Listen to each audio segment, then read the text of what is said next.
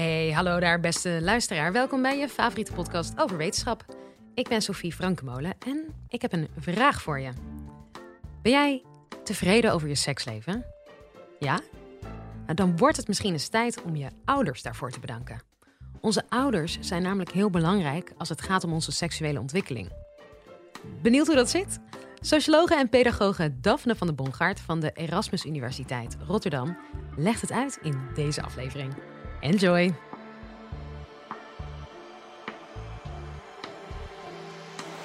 Live vanuit Club Air is dit de Universiteit van Nederland. Toen ik een jaar of tien was, gingen we met ons gezin kamperen. En mijn moeder had zo'n meidentijdschrift voor mij gekocht, waarin zo'n SOS-rubriek stond met vragen en antwoorden over seks. Voor de mensen die niet helemaal weten waar ik het over heb, daar stonden bijvoorbeeld dit soort vragen in. Esme, 13 jaar. En Esme vroeg: Mijn vriend wil me graag beffen, maar mijn moeder zegt dat ik daar nog te jong voor ben. Dat heb ik tegen mijn vriendinnen gezegd, maar die zeggen dat ik een moederskindje ben als ik het niet doe. Wat moet ik nu? Dit soort vragen. En in dat tijdschrift dat ik had gekregen en op de camping aan het doorspitten was, stond ook zo'n vraag over beffen. Maar ik wist niet wat dat was. Uiteindelijk heb ik moed weten te verzamelen om het aan mijn moeder te vragen tijdens de afwas daar op de camping. Probeer jij even in te denken hoe jij zou reageren op zo'n vraag van je tienjarige prepuber, of hoe je zou willen dat jouw moeder of vader zou reageren op die vraag. Mijn moeder reageerde vergelijkbaar met Esmees moeder, namelijk door te zeggen dat ik nog een beetje te jong was voor zo'n vraag ik snap wel dat niet alle ouders op zo'n moment iets paraat hebben in de trant van, en daar komt hij, als twee mensen elkaar leuk vinden en graag met elkaar vrijen, kunnen ze het ook fijn vinden om elkaars lichaam te kussen en ook elkaars geslachtsdelen. En bij een vrouw heet dat dan beffen. Give or take wat technische details. Maar ik vond het daarna best wel lastig om mijn moeder nog dit soort vragen te stellen. Want wanneer ben je daar dan wel oud genoeg voor? Ik heb er later mijn beroep van gemaakt om vragen te stellen over seks. En dat doe ik als pedagoog en als socioloog. Want in mijn onderzoek kijk ik naar hoe jongeren hun seksualiteit ontwikkelen en naar de rol van verschillende sociale factoren, zoals ouders, vrienden en media. Ik kijk in mijn onderzoek grotendeels naar seksuele ontwikkeling van jongeren in Nederland. En het is in Nederland eigenlijk best wel goed gesteld met de seksuele gezondheid van jongeren. Zeker als je het vergelijkt met andere landen. Het aantal tieners in Nederland dat een SOA oploopt of ongewenst zwanger wordt, ligt vier tot tien keer lager dan in bijvoorbeeld Engeland en de Verenigde Staten. Dat komt deels door de pragmatische benadering van jongeren en seks hier in Nederland. Men beseft zich hier eigenlijk al sinds de jaren 50 dat het belangrijk is om jongeren informatie te geven over seks en dat ze toegang hebben tot anticonceptie. En deze pragmatische benadering van jongeren en seks wordt vaak gezien als in ieder geval een gedeeltelijke verklaring voor die relatief goede seksuele gezondheid. Maar ook Nederlandse ouders spelen daar een belangrijke rol in. In een studie naar seksuele opvoeding heeft een Nederlands-Amerikaanse onderzoekster interviews gehouden met Nederlandse en Amerikaanse gezinnen met tieners. En uit die interviews kwam een interessant verschil naar voren. Amerikaanse ouders hadden veel meer de neiging om tienerseks te dramatiseren. Zij waren meer gefocust op de risico's van seks. En uh, waren ook bang dat tieners hun racende hormonen niet in bedwang konden houden en dat ze daar dus tegen moeten worden beschermd. Nederlandse ouders zien tienerseks veel meer als normaal. En zij hebben meer vertrouwen in een natuurlijk proces waarin tieners stapsgewijs fysiek en emotioneel klaar worden voor seks. En ook dat tieners dat proces prima zelf kunnen reguleren. Wat weten we nou eigenlijk over opvoedingsstrategieën die bijdragen aan een gezonde seksuele ontwikkeling? Een bevinding die consistent uit onderzoek naar voren komt, is het belang van een goede relatie met ouders, gekenmerkt door hechtheid, warmte en steun. Uit onderzoek blijkt dat jongeren die een goede relatie hebben met hun ouders, minder vaak op vroege leeftijd beginnen met seks en dat ze ook veiligere seks hebben en zelfs prettigere seks. Even ter geruststelling, dit zijn patronen die uit onderzoek naar voren komen. En er zijn natuurlijk ook uitzonderingen op mogelijk. Dus ook als je nu in de zaal zit en denkt: ik uh, heb zelf helemaal niet zo'n goede band met ouders, dan kan je ook nog steeds een prima seksleven hebben natuurlijk. Maar in principe, hoe beter de band met je ouders, hoe optimaler je seksuele ontwikkeling verloopt. En in een van mijn onderzoeken heb ik gekeken hoe dat nou precies zit. Waarom hebben jongeren die opgroeien in een warme, hechte, ondersteunende opvoedomgeving nou fijnere seks? En dit hebben we gedaan met tieners van 15 jaar die al ervaring hadden met seks. Uh, en dat kon van alles zijn, van elkaar aanraken tot geslachtsgemeenschap. En we hebben ze gevraagd naar drie positieve emoties: trots, geliefd en gelukkig. En drie negatieve emoties: vies, beschaamd en schuldig na het hebben van seks. En dit was trouwens een van de weinige studies tot nu toe waarin echt is gekeken naar hoe jongeren seks beleven. Superbelangrijk. Wat uit onze studie naar voren kwam, is dat jongens en meisjes seks anders beleven. Surprise. Jongens voelden zich vaker trots na seks en meisjes voelden zich vaker vies en beschaamd. Daar valt dus nog wel wat winst te behalen. Bovendien vonden we in deze studie dat uh, de band met ouders, een goede relatie met ouders, indirect invloed heeft op deze emoties. Jongeren die een goede relatie hadden met hun ouders, hadden een hogere zelfwaardering, dus een beter zelfbeeld en meer eigenwaarde. En jongeren met een hogere zelfwaardering hadden meer positieve en minder negatieve emoties na seks. We denken dat dit komt doordat jongeren met een hogere zelfwaardering ook zelfverzekerder zijn als seksuele partners. En dat zij beter in staat zijn om hun wensen en grenzen aan te geven in seksuele interacties. Maar hoe dit precies zit, moeten we nog verder onderzoeken. Ouders spelen dus een belangrijke rol in hoe hun kinderen zich ontwikkelen op seksueel gebied. Maar tijdens de puberteit worden ook leeftijdgenoten steeds belangrijker. In een van mijn onderzoeken heb ik gekeken hoe jongeren met hun vrienden praten over seks. En dit hebben we gedaan door 60 vriendenduo's tussen de 16 en 21 jaar. En voor de helft jongensduo's, voor de helft meisjesduo's. Met elkaar over verschillende seksgerelateerde onderwerpen te laten praten. En dit waren allerlei onderwerpen, zoals bijvoorbeeld jongens-meisjesverschillen. Denk aan wie de eerste move zou moeten maken uh, bij het flirten. Maar ook over condoomgebruik en over het omgaan met elkaar seksuele wensen en grenzen. De gesprekken van de jongeren die meededen met ons onderzoek kan ik in verband met privacy niet laten zien. Maar het volgende fragment geeft wel een goed indruk van hoe jongeren onderling met elkaar praten over seks. Ik had net een uh, nieuw vriendinnetje voor het eerst. Dan hadden we drie weken verkering.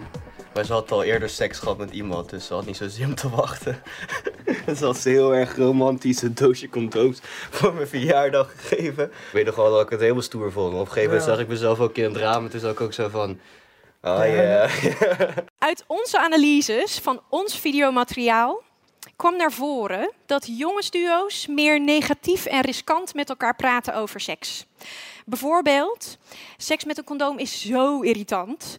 Zo van, hè, dan moet je opeens stoppen. Van wacht, ik moet even beneden een condoom pakken. Dat vonden wij wel een kandidaat voor iets meer voorlichting. Meisjesduo's deden juist vaker elkaars positieve uitspraken over seks bekrachtigen, bevestigen. Dus bijvoorbeeld als de een zei: Het is helemaal niet nodig dat een jongen op een meisje afstapt bij het flirten. Het kan ook heel goed andersom. En dat de ander dan zei: Ja, inderdaad, helemaal mee eens. Bovendien vonden we in ons onderzoek dat de manier waarop jongeren met hun vrienden praten over seks ook gelinkt is aan hun opvattingen over wat hun leeftijdgenoten denken en doen op seksueel gebied. Jongeren die meer negatief en riskant met elkaar praten over seks, dachten ook dat meer van hun vrienden al seksueel actief waren, dat zij het hebben van seks meer zouden goedkeuren en dat ze ook meer onveiligere seks hadden.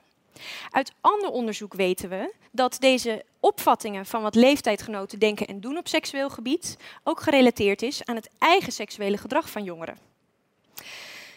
Het interessante met betrekking tot deze opvattingen van wat leeftijdgenoten allemaal doen op het gebied van seks, dat dit vaak misvattingen zijn. Jongeren overschatten hoeveel mensen van hun leeftijd al bezig zijn met seks. Het slechte nieuws is dat deze misvattingen toch effect hebben op hun eigen beslissingen op seksueel gebied. Maar het goede nieuws is dat je misvattingen kunt corrigeren. Op het gebied van middelengebruik weten we al dat dit effectief is. Als je jongeren correcte informatie geeft over hoeveel andere mensen van hun leeftijd roken, drinken, blowen, dan gaat hun eigen middelengebruik omlaag. We moeten nog onderzoeken of dat hetzelfde werkt op het gebied van seks, maar dit zou ook een effectief onderdeel kunnen zijn van seksuele voorlichting. Kunnen ouders daar nog een rol in spelen? Jazeker. In een van mijn onderzoeken vond ik namelijk dat voor jongeren die regelmatig met hun ouders praten over seks, de effecten van die opvattingen dat vrienden al veel seks hebben, minder invloed hebben op eigen seksuele intentie. Terwijl voor jongeren die weinig met hun ouders praten over seks, die effecten van seksueel gedrag van vrienden veel groter zijn en zij daardoor ook zelf sterkere intentie hebben om seks te hebben. Dus zowel ouders als leeftijdgenoten spelen een belangrijke rol in seksuele ontwikkeling van jongeren. Hoe zit dat met media? Er hebben de afgelopen decennia nogal wat ontwikkelingen plaatsgevonden in Medialand, die ook grote invloed hebben gehad op de toegankelijkheid van informatie over seks. Als je jongeren in Nederland vandaag de dag vraagt wat zij zouden doen als ze iets willen weten over seks, zegt 60% dat ze het zouden opzoeken op internet. Maar er is ook heel veel seks om ons aanwezig via allerlei andere media. Denk aan allerlei tv-programma's, aan populaire Hollywoodfilms. Maar wat doen al die sexy media nou eigenlijk met hoe jongeren zich seksueel ontwikkelen? Onderzoek heeft laten zien dat jongeren die meer seks zien in media, ook meer goedkeuring ervaren van al die mediaberichten voor het hebben van seks op jongere leeftijd. En zelf inderdaad ook eerder beginnen met seks. Media fungeren als een soort superpeer, een soort superleeftijdgenoot. Helaas geven dit soort beelden niet echt een realistisch beeld van hoe seks voor de meeste mensen in de werkelijkheid gaat. En daar zit gelijk iets interessants. Onderzoek laat namelijk zien dat seksuele media alleen effect hebben op de seksuele opvattingen van jongeren als zij die berichten over seks in media als realistisch zien.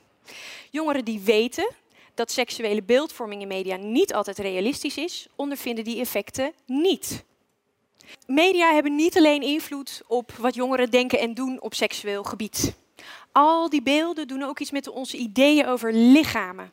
Over hoe lichamen van andere mensen eruit zien, maar vooral ook hoe vrouwen en mannen lichamen eruit zouden moeten zien. Uit onderzoek weten we dat jongeren die meer aantrekkelijke acteurs en actrices zien op tv, die meer seks zien op internet en die meer foto's van zichzelf en van hun vrienden plaatsen op hun Facebook-profiel, ook onzekerder zijn over hun eigen lichaam. Dat is niet zo raar, gezien al die gefotoshopte reclameplaatjes, geopereerde lichamen, gebotoxte gezichten en het feit dat iedereen natuurlijk alleen de mooiste foto's van zichzelf op social media plaatst. Maar al die beelden geven ons niet zo'n realistisch beeld van de grote diversiteit aan menselijke verschijningsvormen. En ook daar zit hem in dit geval de crux. Uit onderzoek weten we dat jongeren die een realistischer mediabeeld hebben, hun eigen uiterlijk minder vergelijken met dat van anderen, ook minder belang hechten aan het dun zijn ideaal en zelf meer tevreden zijn over hun eigen uiterlijk. We weten dus dat zowel ouders als leeftijdgenoten als media een belangrijke rol spelen in hoe jongeren hun seksualiteit ontwikkelen. Wat kunnen we nu met al die kennis? Het is dus heel belangrijk om met kinderen en tieners te praten over seks en ook over al die invloeden om ons heen. Open en positief leren praten met je ouders over seks is ook een goede oefening voor praten met latere bedpartners. Doe het ook op tijd, dat praten dus. Om te voorkomen dat je als ouder te laat bent en je kind alles al op internet heeft gezien. En behalve op tijd beginnen, is het ontzettend belangrijk om aan te sluiten bij de belevingswereld van jongeren. En dat gebeurt eigenlijk nog te weinig. In Nederland ontvangt bijna 100% van de jongeren op school informatie over veilig vrijen. Dus bijvoorbeeld hoe je een condoom moet omdoen of hoe je geslachtsdelen eruit zouden kunnen zien als je dat niet doet en een SOA oploopt. Kennen jullie die afschrikwekkende plaatjes van je biologiedocent nog? Maar lang niet alle jongeren krijgen tijdens seksuele voorlichting informatie over bijvoorbeeld verliefdheid en relaties, over hoe je je seksuele wensen en grenzen aangeeft of hoe je omgaat met al die seks in al die media. Terwijl dat juist de vragen zijn die bij jongeren leven. Kijk maar in die SOS-rubrieken in die tijdschriften. Kortom, je ouders spelen een belangrijke rol in hoe je denkt over seks, in wanneer je begint met seks en hoe je seks beleeft.